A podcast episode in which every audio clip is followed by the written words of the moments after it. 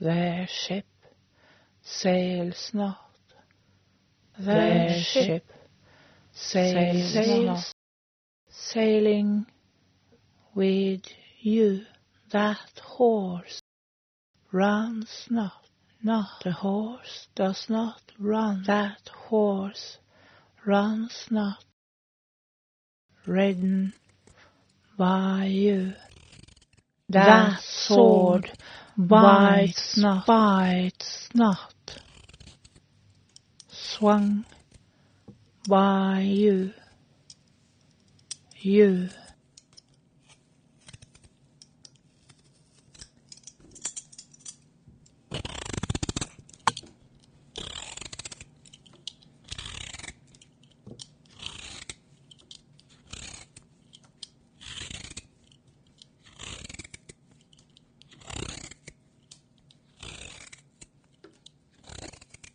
This is the last episode of the project Mimesis in Crisis. Through nine episodes, death has whispered its presence.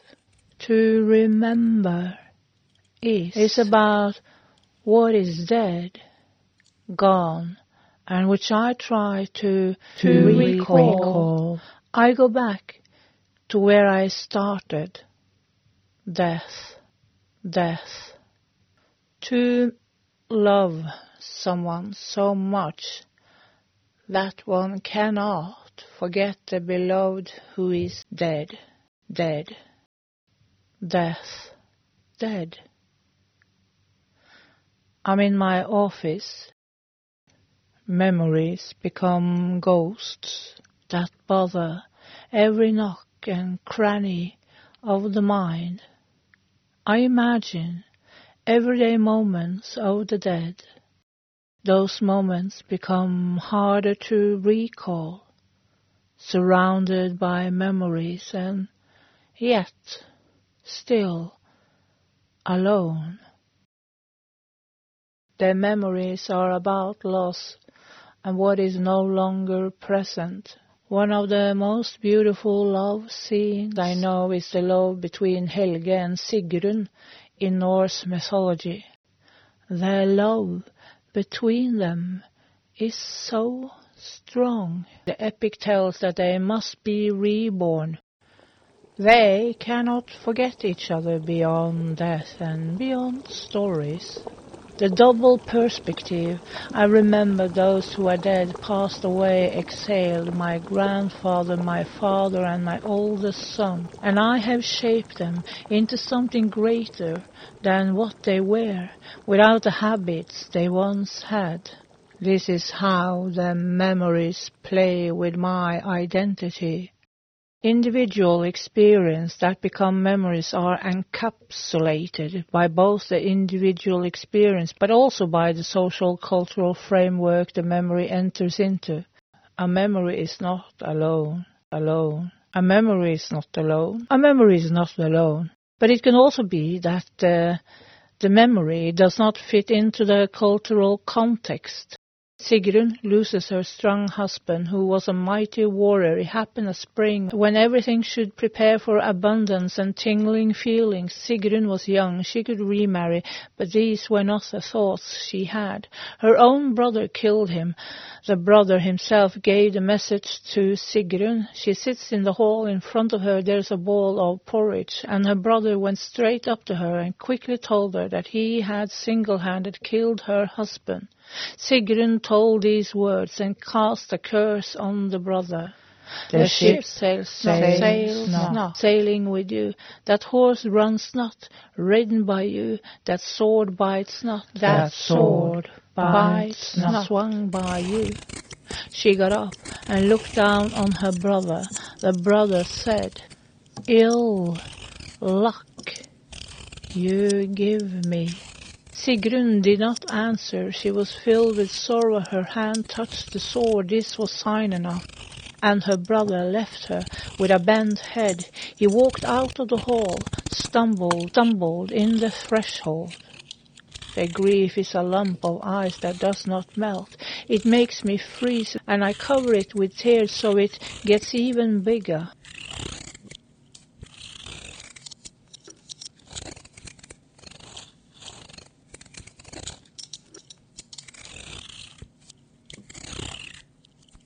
So why do this for the sake of memories? It is to be able to see the memory as something that keeps coming back in new forms and shapes related to the development of the identity and what is hidden is also part of my identity, part of my identity, part of my identity.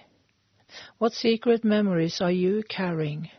Sigrun went to her husband's burial mound and did not leave it. The burial mound in a meadow surrounded by a forest day in and day out. She sat and mourned in sunrise and sunset. The only sound was her grief in the green surroundings. I am in the office. It was night so dark that the stars beamed extra light in the sky. She heard a horse. She woke up. She looked and saw a strange light pouring out of the grave.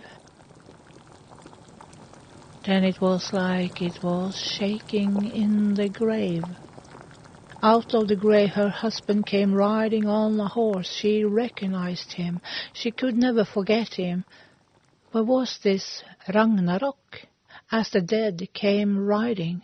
What do you think you saw the day you saw something that was not this something? Ragnarok, the end of the world, the greatest sorrow, because then all the memories are swept away for second chances. Oh, I travel a long way to see you again he said. He said he was allowed to visit her. She cheered, looked at him and said, Why is your hair, hair covered in ice, your face blooded and your hands so cold? He replied, You alone are causing me this.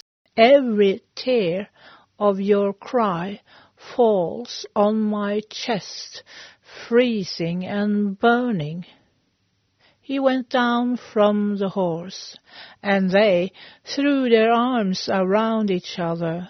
Her hair was braided, her hands strong. He no longer smelled sweat. Together they made a bed on the mound, and she was allowed to rest in his arms.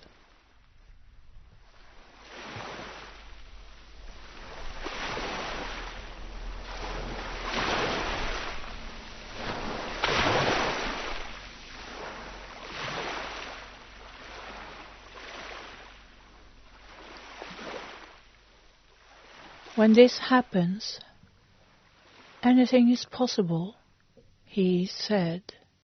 You bright, living king's daughter can rest in my lifeless arms. You bright, living king's daughter can rest in my lifeless arms. She put her nose close to him, but he smelled of nothing. She stroked him through the hair that was covered in ice. His arms, His held, arms her. held her. The sky covered them in silence. Then they fell asleep, arm in arm. When my youngest son was born, they said he was going to die. They said he was going to die. They thought he had a chromosome defect. I had to give birth to him, so he could die during the birth.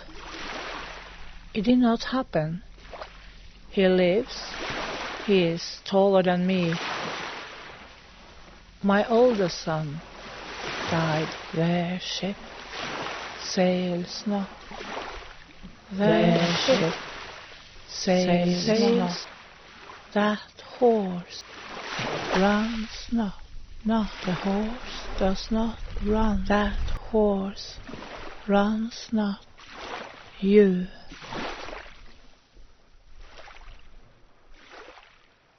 When Sigrun woke up, he was gone to the place where the male cries in Valhalla to the place where the crows sings in Valhalla. He never came back, and the life fell short. I'm standing in my office, and I am finished. These stories are your memories now. Thank you for listening. Thank you for listening.